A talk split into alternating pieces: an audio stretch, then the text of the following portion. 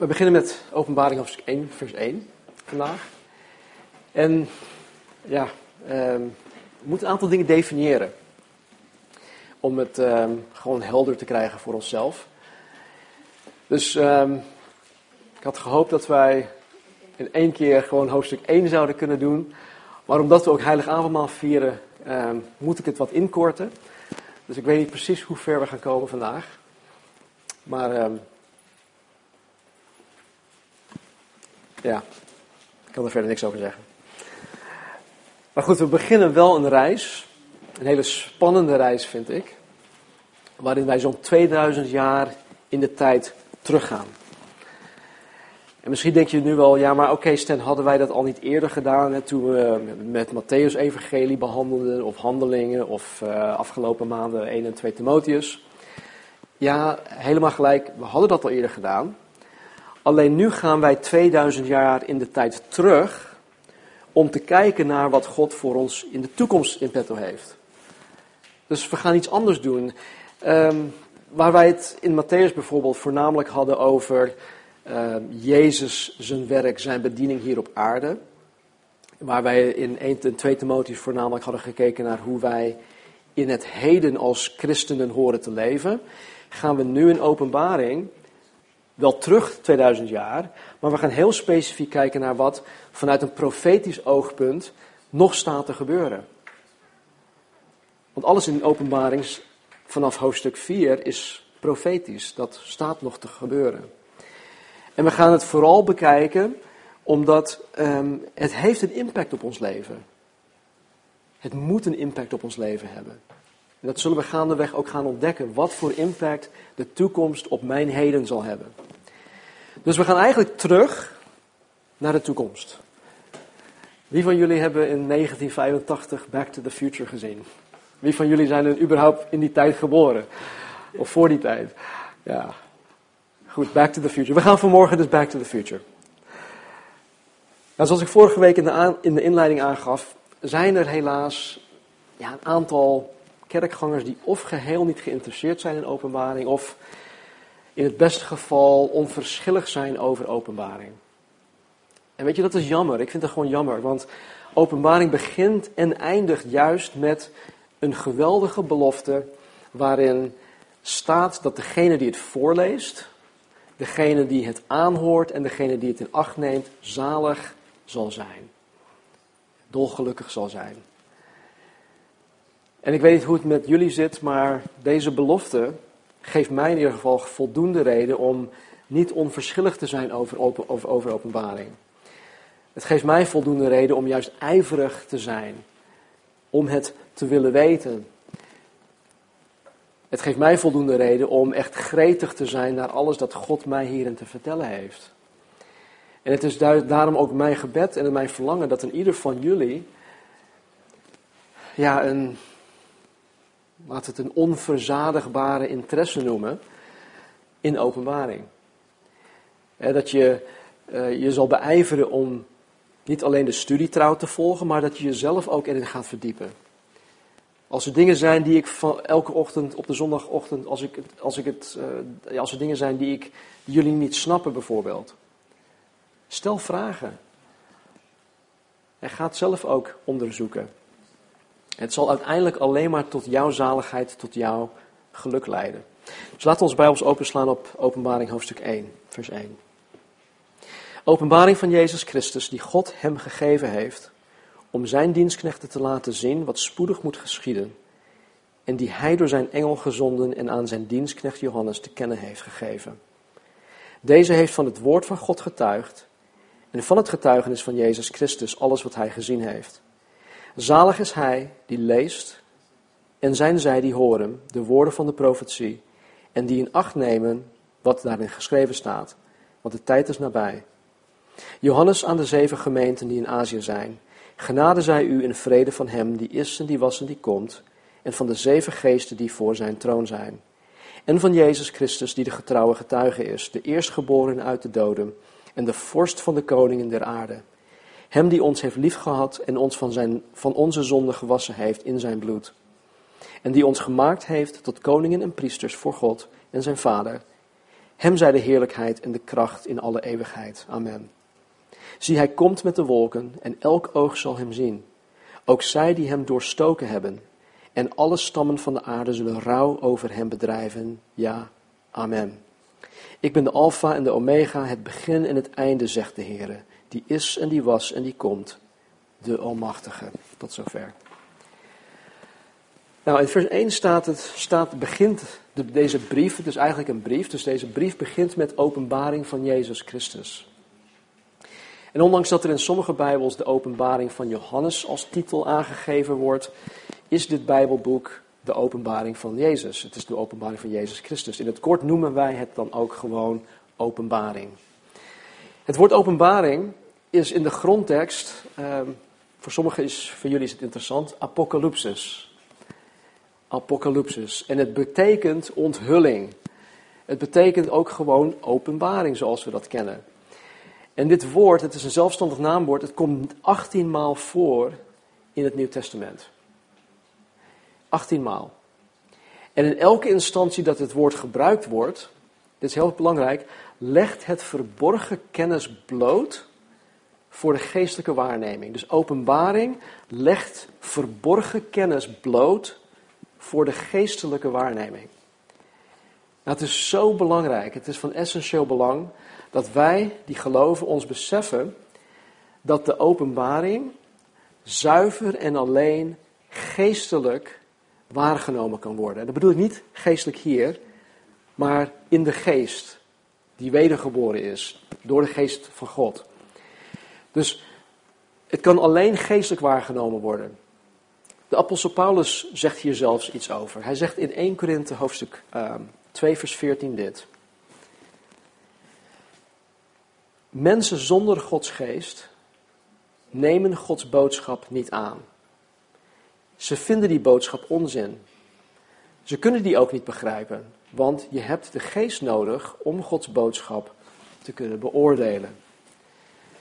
Dus Alhoewel God de openbaring gegeven heeft om de verheerlijkte Jezus en ook de toekomst aan de mens te onthullen, zal geen enkel mens deze openbaring begrijpen, snappen, vatten, zonder dat hij of zij een heilige geest vervulde, wedergeboren christen is. Er is geen andere mogelijkheid om dit te kunnen begrijpen, de openbaring. De openbaring nogmaals legt verborgen kennis bloot voor de geestelijke waarneming. Nou, de hele essentie van dit boek is openbaring. Is deze openbaring. Het is bedoeld om Jezus in zijn ultieme heerlijkheid en in zijn toekomstige reddende rol bloot te leggen.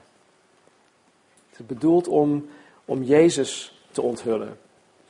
En juist omdat er zoveel goeds voor de gelovigen in staat, Juist omdat er zoveel goeds voor de gelovigen staat te gebeuren bij de openbaring van Jezus, is het voor ons, anno 2016, juist heel interessant.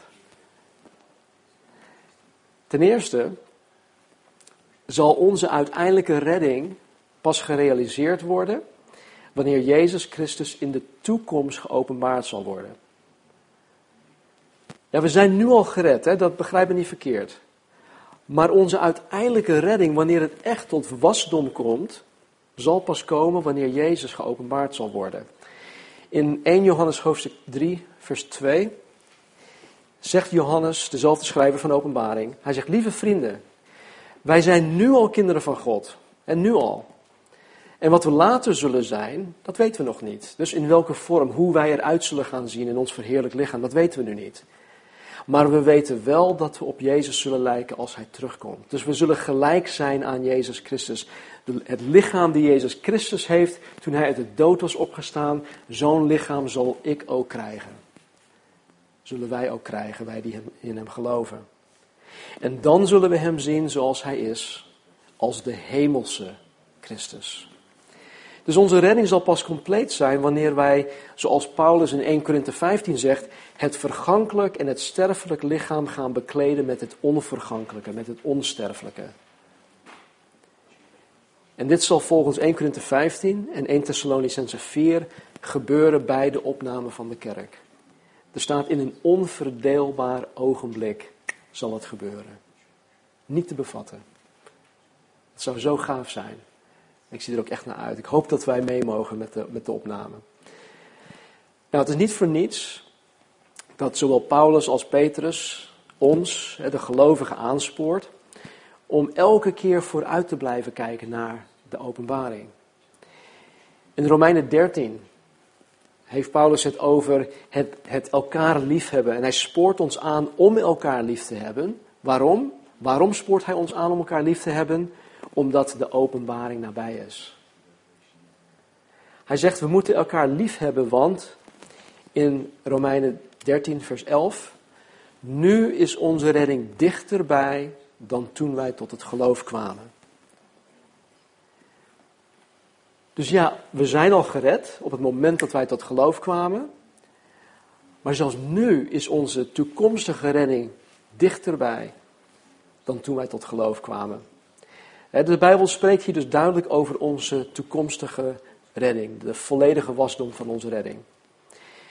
In 1 Petrus 1 spoort Petrus ons aan om ons in onze moeilijkheden te verblijden, omdat wij bij de openbaring van Jezus Christus de hoofdprijs zullen gaan ontvangen.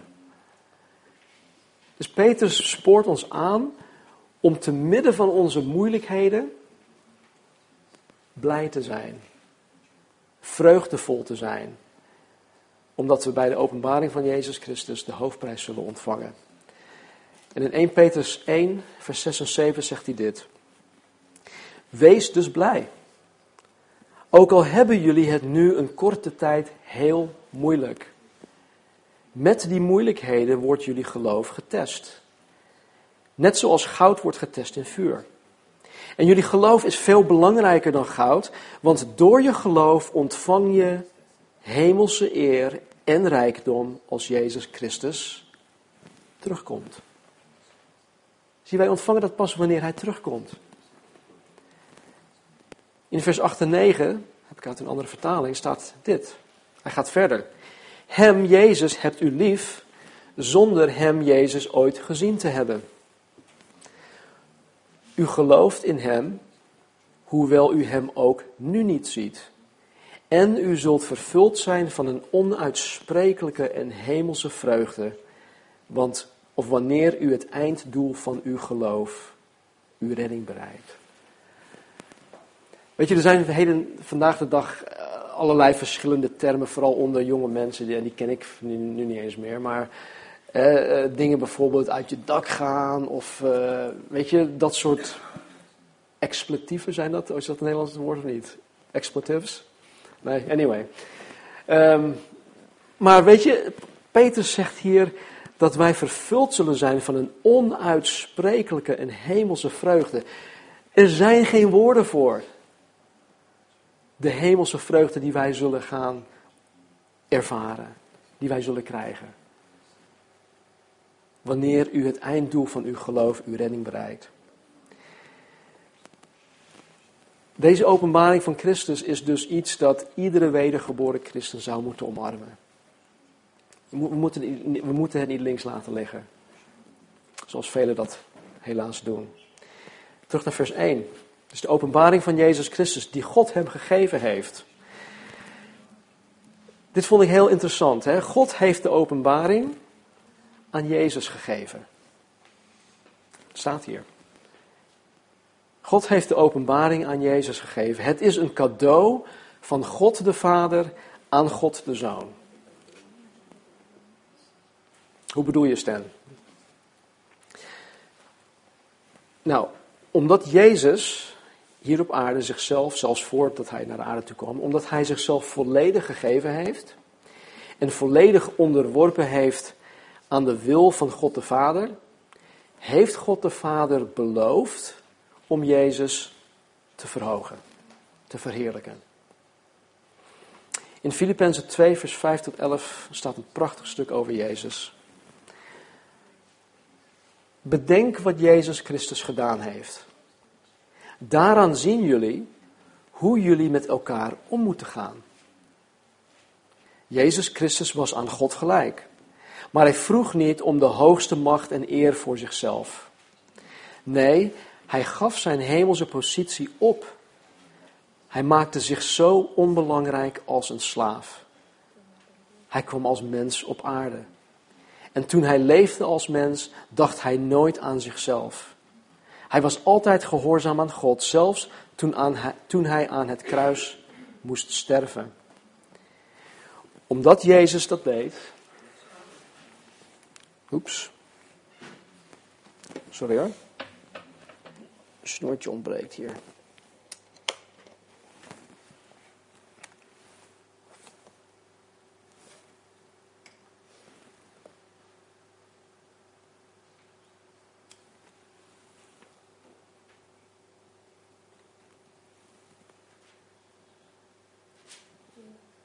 Vind je het erg als ik uh, dit even doe? Nee? Al vonden jullie het erg. Uh, nee, sorry. Mijn excuses hiervoor. Ik voel dat ik, uh, ik begin een beetje te blozen. Um, even kijken, waar was ik? Ja, omdat Jezus Christus dat deed, hè, wat ik net gelezen had, heeft God hem de hoogste plaats gegeven. God gaf hem de hoogste eer, de eer die voor God zelf bestemd is. Daarom zal iedereen voor Jezus knielen. Alle engelen in de hemel, alle mensen op aarde en iedereen in het land van de dood. Dan zal iedereen zeggen, Jezus Christus is de Heer. En zo zal iedereen God de Vader eren.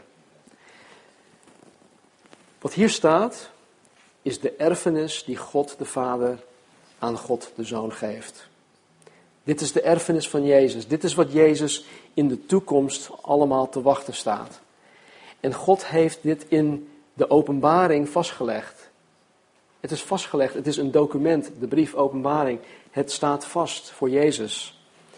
En ik vind het sowieso heel bijzonder dat, um, dat God de Vader ons, mij, inzage geeft tot de erfenis die Hij aan zijn zoon geeft. Ik weet niet of jullie hier ervaring mee hebben, maar als, als er een erfenis of als, als er sprake is van een erfenis, is dat altijd een verzegeld document. Je hebt, um, hoe heet dat? Um, die mensen met zo'n stempel. Notarissen die dat dan verzegelen. Dankjewel. En niemand mag daarin kijken. Openbaring van Jezus Christus, vers 1, die God hem gegeven heeft om zijn dienstknechten te laten zien wat spoedig moet geschieden. Het is dus de openbaring van Jezus, die God aan Jezus gegeven heeft, om zijn dienstknechten te laten zien wat spoedig moet geschieden. Weet je, als dit gegeven is om zijn dienstknechten op de hoogte te stellen, dan moet ik mezelf afvragen wie deze dienstknechten zijn. En als ik daar eenmaal achter ben gekomen, ben ik wel zo'n dienstknecht, ja of nee? Want dat is een hele interessante vraag. Het is gegeven aan de dienstknechten, of om het um, te onthullen aan de dienstknechten. En Johannes gebruikt hier een, een, een woord, een Grieks woord, dat heel belangrijk is voor ons te weten. Het staat trouwens ook op onze website. En het Grieks woord is doulos. En weet je, dit betekent slaaf. Dit is geen populair woord tegenwoordig. Ik denk niet dat we op onze website kunnen adverteren of in de krant een advertentie kunnen plaatsen. Wil jij vandaag een slaaf van Jezus Christus worden? Daar zal je weinig positieve reactie op krijgen. Wij vinden het woord slaaf gewoon niet zo leuk. Dat, vandaar dat het ook vertaald wordt in de Bijbel als dienstknecht. Maar de kern van de, deze betekenis is slaaf. Maar goed, de, context waarin dit woord uh, wordt gebruikt spreekt van een vrijwillige slaaf. Een vrijwillige slaaf. We hebben net in Filippenzen 2, 7 en 8 gelezen. Uh, Jezus gaf zijn hemelse positie op. Er staat, Jezus gaf zijn hemelse positie op. Hij maakte zich zo onbelangrijk als een slaaf, als een doulos, hetzelfde woord. Hij kwam als mens op aarde en toen hij leefde als mens dacht hij nooit aan zichzelf. Hij was altijd gehoorzaam aan God, zelfs toen hij aan het kruis moest sterven. Dus nogmaals, Paulus gebruikt hier hetzelfde woord, doulos. En hij gebruikt het om Jezus te omschrijven. Jezus heeft alles uit vrije wil gedaan. Alles wat hij gedaan heeft. Niemand heeft Jezus ertoe gedwongen om te doen wat hij gedaan heeft. Er is in het Oud Testament een, een heel mooi voorbeeld van zo'n slaaf. In het Engels heet het bond slave. In het Nederlands is er geen vertaling voor. Maar het is gewoon een, een slaaf die zich vrijwillig ten dienste stelt aan zijn meester. En in Deuteronomium, hoofdstuk 15, staat dit, vanaf vers 12. Wanneer iemand van je eigen volk zich als slaaf of slavin aan je moet verkopen, zal hij zes jaar voor je werken. Maar in het zevende jaar moet je hem vrijlaten. Stuur hem echter niet met lege handen weg. dus het was een situatie waarin ik totaal geen uh, dingen meer had en ik moest iets met mijn, met mijn leven doen, met mijn gezin. Ik kon niet meer. Dus ik verkocht mezelf aan een meester als slaaf. En ik zat dus zes jaar lang bij deze meester in dienst. Maar hier zegt God dus, oké, na zes jaar moet je hem in het zevende jaar vrijlaten. En stuur hem niet met lege handen weg. Er staat, geef in elk geval wat schapen en wat geiten mee en een hoeveelheid graan en wijn. Laat hem delen in de welvaart waarmee de Heer, jouw God, jou heeft gezegend. Vergeet niet dat je zelf slaaf bent geweest in Egypte en dat de Heer je heeft bevrijd. Daarom leg ik je dit gebod op. Maar, stel dat de slaaf tegen je zegt: Ik wil helemaal niet bij u weg. Ik heb het goed bij u en ik houd van u en van uw gezin. Neem hem dan mee naar je huisdeur en steek hem een priem door zijn oor als teken dat hij levenslang bij je in dienst blijft. Deze regel geldt ook voor een slavin. Nou, dit is een voorbeeld van een dergelijke priem die door het oor gestoken werd. Het is iets meer dan die kleine dingetjes die je tegenwoordig door je oor gestoken, uh, heen gestoken krijgt. Maar dat is dus een priem. Best wel groot. En dit is ongeveer hoe zij het moesten doen. Je ging naar je deurpost, iemand met zijn, zijn oren aan de deurpost en dat ding er doorheen. Vrijwillig, hè, is dit. Zo'n slaaf die vrijwillig of die vrijgelaten kon worden, is dus op vrijwillige basis in dienst van zijn meester gebleven. Het is zijn persoonlijke keus om slaaf te zijn, om dienstknecht te zijn. En dat zegt trouwens veel meer over de meester dan over de persoon zelf. Toch? Dit is dus de definitie van een doulos. De dienstknecht aan wie Jezus de openbaring zal laten zien. Dus nogmaals, de vraag die wij onszelf moeten stellen is: ben ik een vrijwillige slaaf van Jezus Christus, die vervuld is met de Heilige Geest, die de Meester gehoorzaamt en dient? Ben ik dat? Ben ik dat vandaag? Zo ja, dan zal God de openbaring aan jou bekendmaken. Zo nee, dan zijn jouw problemen helaas veel groter dan alleen dat je het, de openbaring niet uh, zal kunnen snappen. Maar goed, daar kom ik straks nog op terug. Dus de openbaring van Jezus Christus, vers 1, die God hem gegeven heeft om zijn dienstknechten te laten zien wat spoedig moet geschieden. God laat hier zien wat spoedig moet geschieden. Velen denken dat er omdat ja, eh, er reeds 2000 jaar verstreken zijn, dat men zich eigenlijk niet zo druk meer hoeft te maken over de wederkomst van Jezus Christus. Want uiteindelijk had God 2000 jaar geleden al gezegd dat Jezus spoedig terug zou komen, toch? Wie heeft daar ooit, ooit eens aan gedacht? Oké. We moeten begrijpen dat God niet gebonden is aan onze klok of aan onze kalender. God staat buiten de tijd. En om dit aan te geven, zegt Petrus dat bij de Heer één dag is als duizend jaar en duizend jaar als één dag. Ik weet niet of hij dat letterlijk bedoelt, maar als hij, als hij dit letterlijk bedoelt en als wij dit letterlijk opvatten, dan zijn er volgens Gods kalender pas twee dagen verstreken. En maar goed, hier gaat het niet om. Het gaat erom dat wat er nog op de profetische kalender staat te gebeuren, is de opname van de kerk, is de wederkomst van Jezus Christus. Dit is Gods volgende stap. Volgende stap is belangrijk. En wanneer je dingen aan het plannen bent, of wanneer je in een situatie bent, bijvoorbeeld in een onderhandeling met een uh, cliënt of whatever. We zijn nu in onderhandeling met maatstaf om uh, de nieuwe ruimte uh, in gebruik te gaan nemen. Dus we hebben wat, wat wijzigingen aangebracht. Ik heb het ingeleverd en nu is de volgende stap dat zij het gaan nakijken en we wel of niet terugkomen met weer andere dingetjes. Dus de volgende stap is belangrijk. En in Gods profetische kalender is de volgende stap dat Jezus Christus de gemeente opneemt. Best wel belangrijk om die volgende stap te weten. En Jezus zegt in Matthäus: Wees dan waakzaam, want u weet niet op welk moment de Heer komen zal. En dus alhoewel het 2000 jaar al heeft geduurd, elke, elk persoon die door de, die door de jaren heen uh, in Jezus Christus geloofde, die, die stond paraat, die, die was waakzaam. Waarom? Omdat het iets met je doet. Het is goed om waakzaam te zijn. Het is goed om waakzaam te blijven.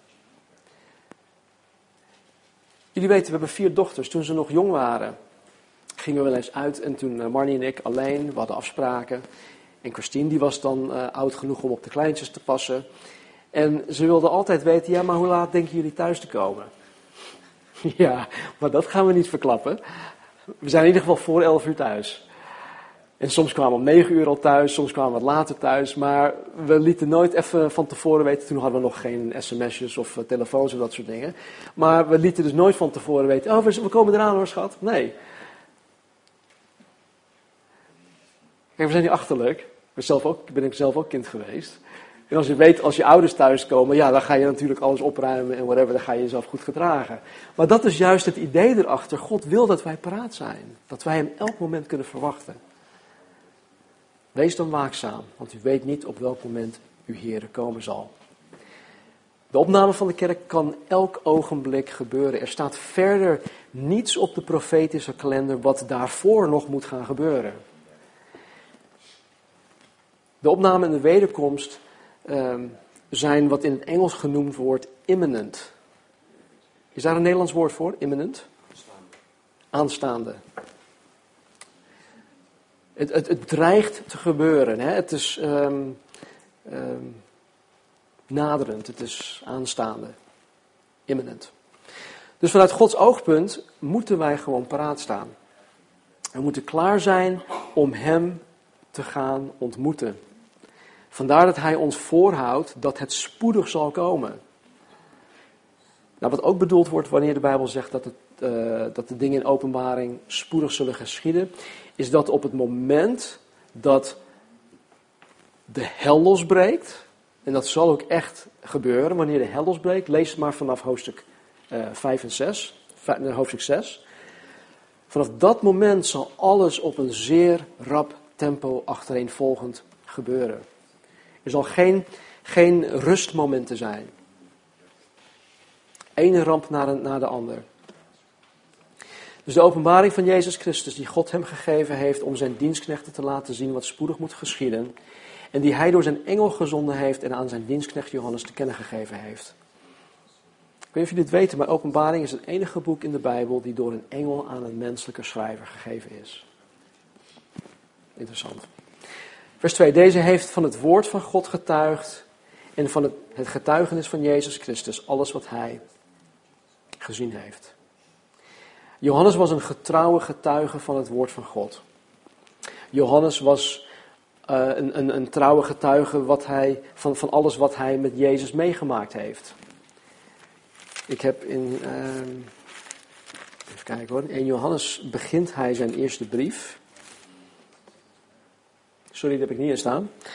Er staat wat er was vanaf het begin, wat wij gehoord hebben, wat wij gezien hebben met onze ogen, wat wij aanschouwd hebben en onze handen getast hebben van het woord des levens, Jezus Christus. Want het leven is geopenbaard, we hebben het gezien, wij getuigen en verkondigen u het eeuwige leven dat bij de Vader was en aan ons is geopenbaard. Hij heeft het over Jezus Christus. 60 jaar later is hij er nog zo vol van dat hij gewoon zegt: Oh man, wat ik gezien heb, wat ik aangeraakt heb, dat verkondig ik aan jullie. Dus deze Johannes was een getrouwe getuige. En God beaamt zijn trouw hier. Het staat vast in de Bijbel, hij heeft het vastgelegd. Hij is getrouw geweest. En het feit dat hij verbannen was op het eiland Patmos bevestigt dat hij inderdaad een getrouwe getuige van Jezus Christus was.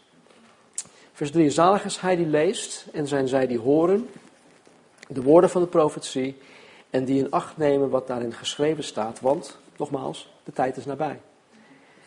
Openbaring begint hier met een belofte van God dat degene die het voorleest, degene die, het, uh, die er naar luistert en de, die de woorden van de profetie in acht neemt, zalig zal zijn.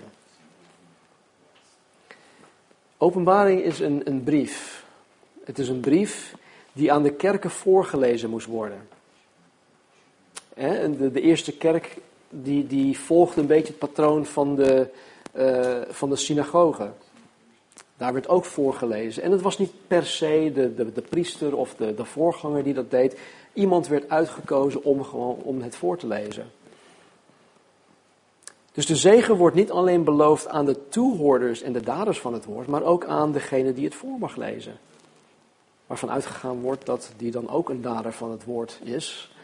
want het is niet alleen omdat ik het lees of voorlees dat ik gezegend word. Ik moet het toe-eigenen, ik moet er iets mee. Nou, het woord zalig dat hier staat is hetzelfde woord zalig dat in de zaligsprekingen in Matthäus 5 door Jezus gebruikt wordt. En wat ik vorige week ook al zei, het betekent in de volksmond gewoon dolgelukkig. Iemand die zalig is, die heeft het toppunt van geluk bereikt. Het toppunt van geluk. En je zou denken, als je denkt aan de wereldse maatstaven, hè, dat je als je een Bill Gates bent, of een uh, Steve Jobs, of een uh, King of Rock and Roll, Elvis, of the King of Soul, uh, hoe heet die man, James Brown, of als je de King of Pop, Michael Jackson bent, dat je dan het toppunt van geluk hebt bereikt. Maar is dat zo? Prince, onlangs overleden. Maar hier staat dus, dolgelukkig is hij die leest en zijn zij die horen de woorden van de profetie en die in acht nemen wat daarin geschreven staat. Weet je, deze belofte veronderstelt dat degene die het voorleest en degene die het hoort, de woorden heel goed kunnen begrijpen. Dat het niet cryptisch voor hen is. Maar wat ik vorige week ook al zei, dat is alleen mogelijk als je openbaring letterlijk interpreteert. Als je het gaat vergeestelijken, als je het, als je het alleen als symbolisch gaat zien, dan, dan, dan mis je de boot, dan sla je de plank mis. Dan mis je die, dan, dan mis je die zaligheid ook, gegarandeerd. En want er zijn heel veel mensen die gefrustreerd zijn over openbaring en dat is geen zegen. Vers 4, Johannes aan de zeven gemeenten die in Azië zijn. Genade zij u en vrede van hem, die is en die was en die komt, en van de zeven geesten die voor zijn troon zijn. Johannes is de menselijke schrijver van deze brief. En de zeven gemeenten, oftewel de zeven plaatselijke kerken in Azië, zijn de ontvangers. En in hoofdstuk 2 en 3 zullen we gaan zien wie deze zeven kerken zijn. Nou, dit is de eerste keer, het komt al vrij snel, maar dit is de eerste keer dat het getal 7 in openbaring voorkomt. In totaal komt het, het getal 7 53 keer voor in deze brief. 53 keer in 31 versen. En dat is vaker dan dat het in alle andere boeken van het Nieuw Testament voorkomt. Alle boeken bij elkaar opgeteld. En in de Bijbel betekent het getal 7, uh, het betekent volledig of volmaakt. Er zijn heel veel betekenissen over het getal 7. Maar dat er zeven kerken genoemd worden, betekent dus dat deze zeven kerken, de volledige kerk, in het gehele tijdperk van de kerk, van de kerk ook tegenwoordigen. De zeven kerken vertegenwoordigen dus de hele kerk in de hele tijdperk van de kerk. En omdat Johannes deze brief aan de zeven gemeenten schrijft, schrijft hij dit in werkelijkheid aan ons. Aan de gehele kerk, die 2000 jaar geleden met Pinksteren is gestart en die tot aan de opname van de kerk zal bestaan. Hij schrijft het dus aan ons. En Johannes wenst ons Gods genade en vrede toe. Daar moeten we niet te lichtelijk over denken. Hij schenkt, of hij wenst ons Gods genade en vrede toe. Genade en vrede, die worden wel eens de Siamese tweeling van de Bijbel genoemd. die horen bij elkaar, die zitten vast aan elkaar. Want Paulus gebruikt deze begroeting, deze wens in al zijn brieven. Genade en vrede, die gaan altijd samen. Alleen in de pastorale brieven voegt hij barmhartigheid ertussen. Genade, barmhartigheid en vrede. Maar in al zijn brieven schrijft Paulus genade en vrede. Uh, Petrus doet het ook. Johannes doet het ook in zijn tweede brief. Maar genade is wat God ons schenkt, waardoor wij de mogelijkheid krijgen om vrede met Hem te sluiten. Er staat in Romeinen dat wij, voordat wij tot geloof kwamen, dat wij vijanden waren van God. Dus doordat God mij genade schonk, gaf Hij mij de mogelijkheid om vrede met God te sluiten. En daarnaast als bonus om zijn vrede te mogen ervaren. Wie van ons is er niet toe aan een stukje vrede in ons leven? In ons denken. Ik word helemaal gek van de wereld om me heen. Natuurlijk heb ik de wereld om me heen lief, mensen lief. En ik altijd heb met het oog op, hé, hey, we moeten die mensen bereiken. Ik wil een, een, een Gods liefde tonen. Maar joh, eh, Peter, jij weet als geen ander die, waar ik het over heb. Weet je, dus vrede, we hebben vrede nodig. En dat, die vrede die alle verstand te boven gaat, is alleen mogelijk doordat wij vrede met God hebben gemaakt, gesloten. Genade en vrede zijn dus goed. Maar zegt hier Johannes aan de zeven gemeenten die in Azië zijn: Genade zij u een vrede van hem die is, die was en die komt, en van de zeven geesten die voor zijn troon zijn.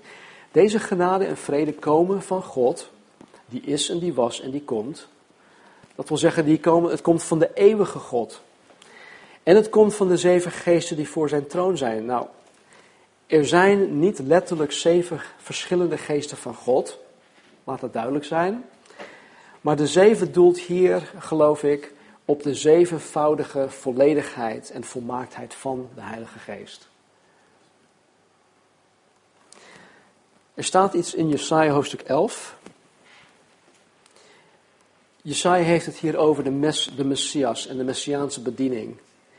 En hoe de Messias bekrachtigd wordt door de Heilige Geest. En dan zegt hij dat deze geest op hem zal rusten. En dan is het ten eerste de geest van de Here, de geest van God dus. Ten tweede de geest van wijsheid. Ten derde de geest van inzicht. Ten vierde de geest van raad. Ten vijfde de geest van sterkte. Zesde de geest van kennis. En zevende de, geest van de vrezen des Heren. Hier zien we de zeven eigenschappen van de Heilige Geest die op Jezus rusten toen, toen Jezus hier op aarde was. En ik geloof dat dit is wat Johannes bedoelt met de zeven geesten die voor de troon van God zijn. Het spreekt gewoon van de volledigheid van wie, de volmaaktheid van wie de Heilige Geest is. En vers 5, deze genade en vrede komen van Jezus Christus die de getrouwe getuige is, de eerstgeborene uit de doden. De genade en vrede die Johannes ons toewenst is dus afkomstig van de gehele drie-eenheid. Komt van God de Vader, die was, die is en die komt. Komt van de zeven geesten die voor de troon zijn, de Heilige Geest, en nu van Jezus Christus die de getrouwe getuige is. En hij is de getrouwe getuige. Zoals we in Filippenzen ook hebben gezien, hij is aan Gods opdracht om van hem te getuigen tot de kruisdood aan toe trouw gebleven. Dat hij zelfs kon zeggen, Heere vergeef hen, want ze weten niet wat ze doen. Degene die hem gekruisigd hebben. En niet alleen dat, Jezus is volkomen betrouwbaar in alles. Jezus is betrouwbaar in alles dat hij zegt en in alles waarvan Jezus getuigt.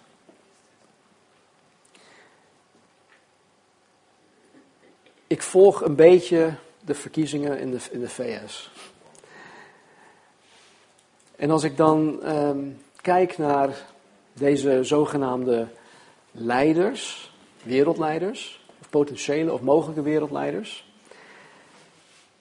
In tegenstelling tot, tot deze mensen die liegen dat ze barsten, is Jezus de weg, de waarheid en het leven. Hij is de waarheid, hij kan niet liegen. Dus Jezus is de getrouwe getuige. Alles wat hij zegt, alles wat hij doet, alles waarvan hij getuigt, is betrouwbaar. Het is waarheid. Hij is ook de eerstgeborene uit de doden. Dat wil zeggen dat hij de eerste is die uit de dood is opgestaan, om vervolgens nooit meer te sterven. Lazarus bijvoorbeeld, die lag drie dagen dood in het graf. Ontbinding vond al plaats. Jezus had hem uit de dood gehaald, geroepen. Wat is er vervolgens met Lazarus gebeurd? Hij is weer gestorven uiteindelijk. Jezus is uit de, uit de dood opgestaan om nooit meer te sterven. En hij is dus de eerstgeborene. Hij is degene die ons allemaal voor is gegaan. En het betekent dus ook dat omdat hij de eerstgeborene is, er meer zullen gaan volgen. Meer mensen zullen gaan volgen. En dat zijn wij. Ik zal nooit sterven. Ik ben onsterfelijk. Ik ben onsterfelijk als zijn volgeling. Nou, mocht ik niet meegaan met de opname, hè, mocht ik niet meegaan met de opname van de kerk, dan zal mijn lichaam op een gegeven moment wel ophouden met werken. Dan zal ik waarschijnlijk in de grond gelegd worden. Maar mijn werkelijke ik, mijn onsterfelijke ik, die zal naar God toe gaan. Dus er is geen kwestie meer of geen sprake meer van, van overlijden of sterven of dood voor mij. Nee, het is gewoon een overgang van, van dit naar de heerlijkheid met Jezus Christus. Mits ik in Hem geloof, mits ik Hem aanhang, mits ik Hem navolg.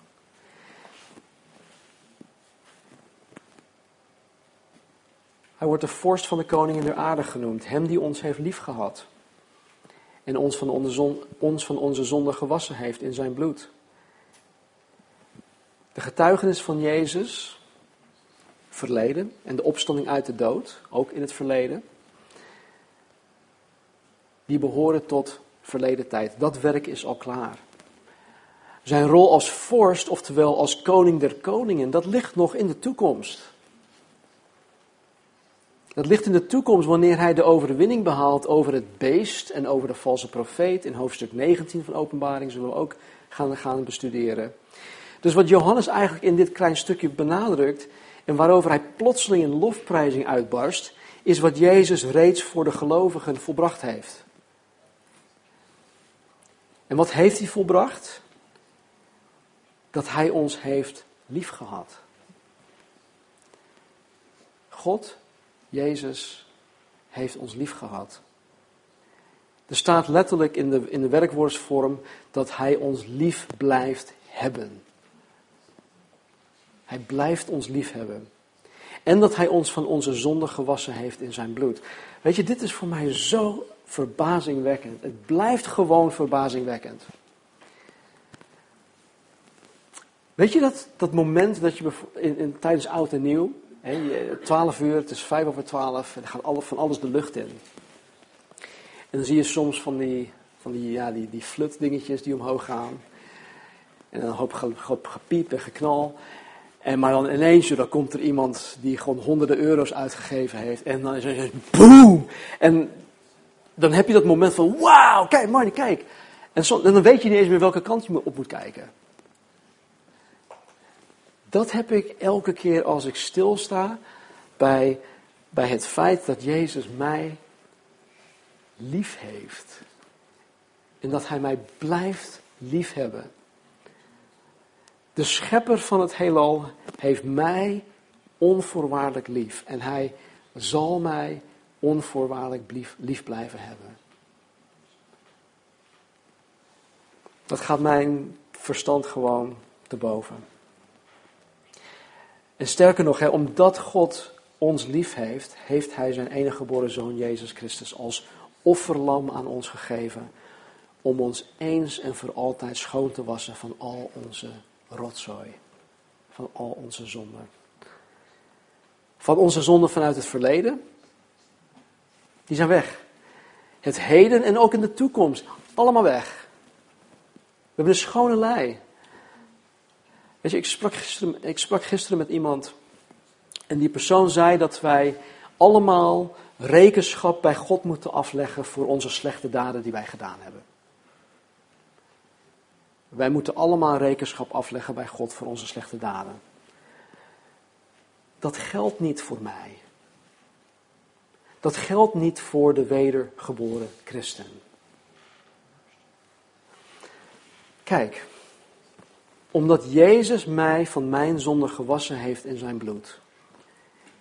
Wanneer ik voor God kom te staan, dan is het enige waarin God geïnteresseerd zal zijn, is, is of ik wel of niet een doulos of een slaaf van Jezus Christus ben geweest. Daarom is het evangelie geweldig nieuws, mensen. Wij hoeven niet met knikkende knieën voor God te staan. Zijn jullie ooit als kind zijnde op de lagere school of op de middelbare school naar uh, de rector of iets dergelijks uh, geroepen? Of je, je, wordt op het matje geroepen. Nou, ik wel. Dat is gewoon eng, hè, als, als kleine jongen. Je wil dat gewoon niet meemaken. En je weet dat je iets fout hebt gedaan. Je geweten die, die klaart je gewoon aan. En dan moet je rekenschap afleggen bij de hoofdmeester. Nou, toen ik klein was, kon je nog een tik krijgen. Er was op de lagere school bij ons, dat was dan de paddle. En het leek een beetje op een, ja, zo'n zo'n bed van, uh, hoe heet dat, van uh, tafeltennis, maar het was gewoon iets langer. En dat voelt niet lekker. Maar weet je, doordat Jezus Christus in mijn plaats is gestorven voor mijn foute daden, hoef ik niet meer bang te zijn. Hoef ik geen rekenschap meer af te leggen. Zijn offer aan het kruis, of omdat ik zijn offer aan het kruis heb aanvaard, heb ik mezelf vervolgens um, volledig gegeven om Hem te dienen. Het is iets dat God voor mij gedaan heeft. Dat, is, dat heeft in mij een respons opgewerkt, waardoor ik zeg: Oké, Heer, ik ben nu van U, ik wil U volledig dienen. Ik wil niks anders dan U alleen dienen. Dus het is gewoon klaar. Als ik voor God kom te staan, is het klaar. Als het niet zo is, dan zal ik straks nog moeten gaan boeten voor mijn zonde. Als ik dus niet in Christus ben gevonden. Als ik geen wedergeboren christen ben. En ik kom te sterven en ik kom voor God te staan. Dan moet ik zelf voor mijn boete, zonde gaan boeten. En ik, ik kan me er niks bij voorstellen, maar hoe heerlijk het zal zijn wanneer wij voor God komen te staan. Misschien denken we dat nu hoor, het zal, zo, zal zeker niet zo zijn, maar misschien denken we nu dat we zelfs met een kwaad geweten voor God komen te staan. En dat wij dan horen te krijgen dat al onze zonden, al onze uh, slechte daden door het bloed van Jezus gewoon verdwenen zijn. Dat is voor mij nu al een gigantische opluchting. Dat is voor, voor, voor mij voor nu al reden om zalig te zijn om dolgelukkig te zijn. En het, het, het, het, het drijft mij alleen maar om God meer en meer te willen behagen. Het is niet zo dat ik, hè, sommige mensen die, die hebben dat dan wel. Ah joh, ik ben toch, ik ben toch gered. Ik kan nu nog van alles doen, want ik ben toch vergeven. Nee, Paulus zegt juist, de genade van God is aan ons gegeven niet om daar misbruik van te maken, maar juist om God te eren. En hij heeft ons gemaakt tot koningen en priesters voor God en zijn Vader. Kijk, doordat ik van al mijn zonden gewassen ben, heb ik toegang tot allerlei voordelen. Ik weet niet of jullie ooit gebeld zijn door iemand s'avonds tijdens het eten die uh, probeert een, uh, een of andere klantenkaart of iets aan te smeren. want er zijn allerlei voordelen aangekoppeld. Nou, niet. Maar doordat mijn zonden schoongewassen zijn door het bloed van Jezus, zijn er allerlei uh, voordelen aangekoppeld. Als priester heb ik nu de vrije toegang tot God. Ik mag 24/7 bij Hem komen in gebed. Ik mag 24/7 gewoon met God praten. Ik mag 24/7 in lofprijzing bij Hem komen.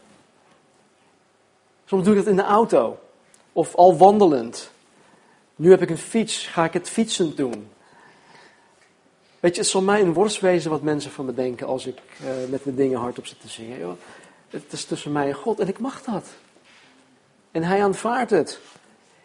Ik mag 24/7 de Bijbel openslaan en lezen en het ook nog snappen, omdat de auteur met mij is om het uit te leggen. En als koning behoor ik tot het koninkrijk van de Almachtige God. En het is nog geen zichtbaar koninkrijk, hè, zoals het in Den Haag is op dit moment. Of in, uh, waar is dat? Ja, Den Haag. Maar straks, hij regeert nu mijn hart en straks letterlijk in het duizendjarig rijk en daarna in alle eeuwigheid. Mijn vrijwillige keuze om een slaaf van Jezus Christus te zijn, om Hem met mijn leven te dienen, zegt ook veel meer over Jezus dan over mij. Sommige mensen die proberen mij dan als christen of als voorganger op een soort van uh, voetstuk te zetten. Dat is zo fout. Er is maar één die op een voetstuk hoort te staan en dat is Jezus Christus. En mijn toewijding aan Hem zegt veel meer over Hem dan over mij. Nou, als jij Jezus vanmorgen nog niet met heel je leven dient, dan is vanmorgen het moment om die bewuste keus te gaan maken. Weet je, sommige mensen die komen dan in zo'n, in zo'n dienst en denken van ja, ik ben hier bij toeval. Nee. God heeft je hier naartoe gebracht vandaag. En vandaag is het moment. Laten we bidden. Hemelse Vader, dank u wel dat wij een begin hebben mogen maken aan uh, openbaring. Dank u wel voor Jezus Christus, de getrouwe getuige.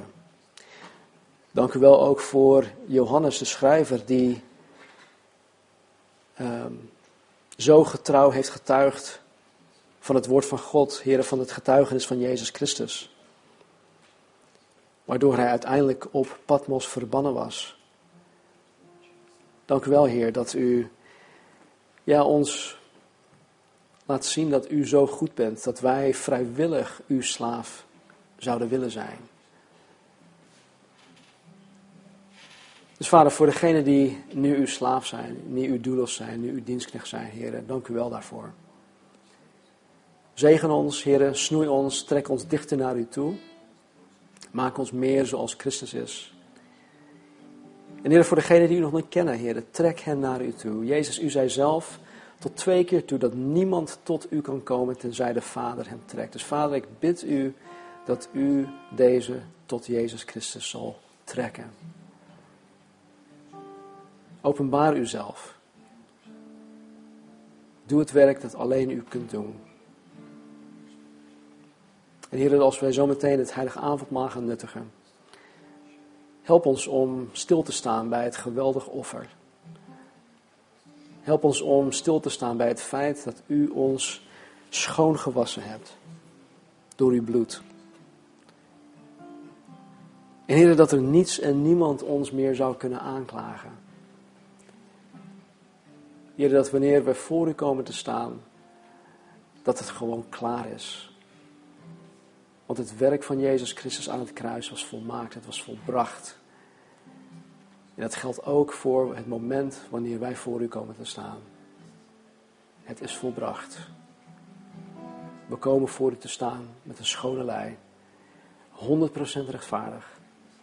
100% verheerlijkt. En ik dank u daarvoor. Dus zegen ons. Stel ons vandaag op tot zegen, Heer, morgen de week die voor ons ligt. En help ons, Heer, om getrouw te zijn. Zoals Johannes, een getrouwe getuige van het woord van God en van Jezus Christus. In uw naam bidden wij. Amen.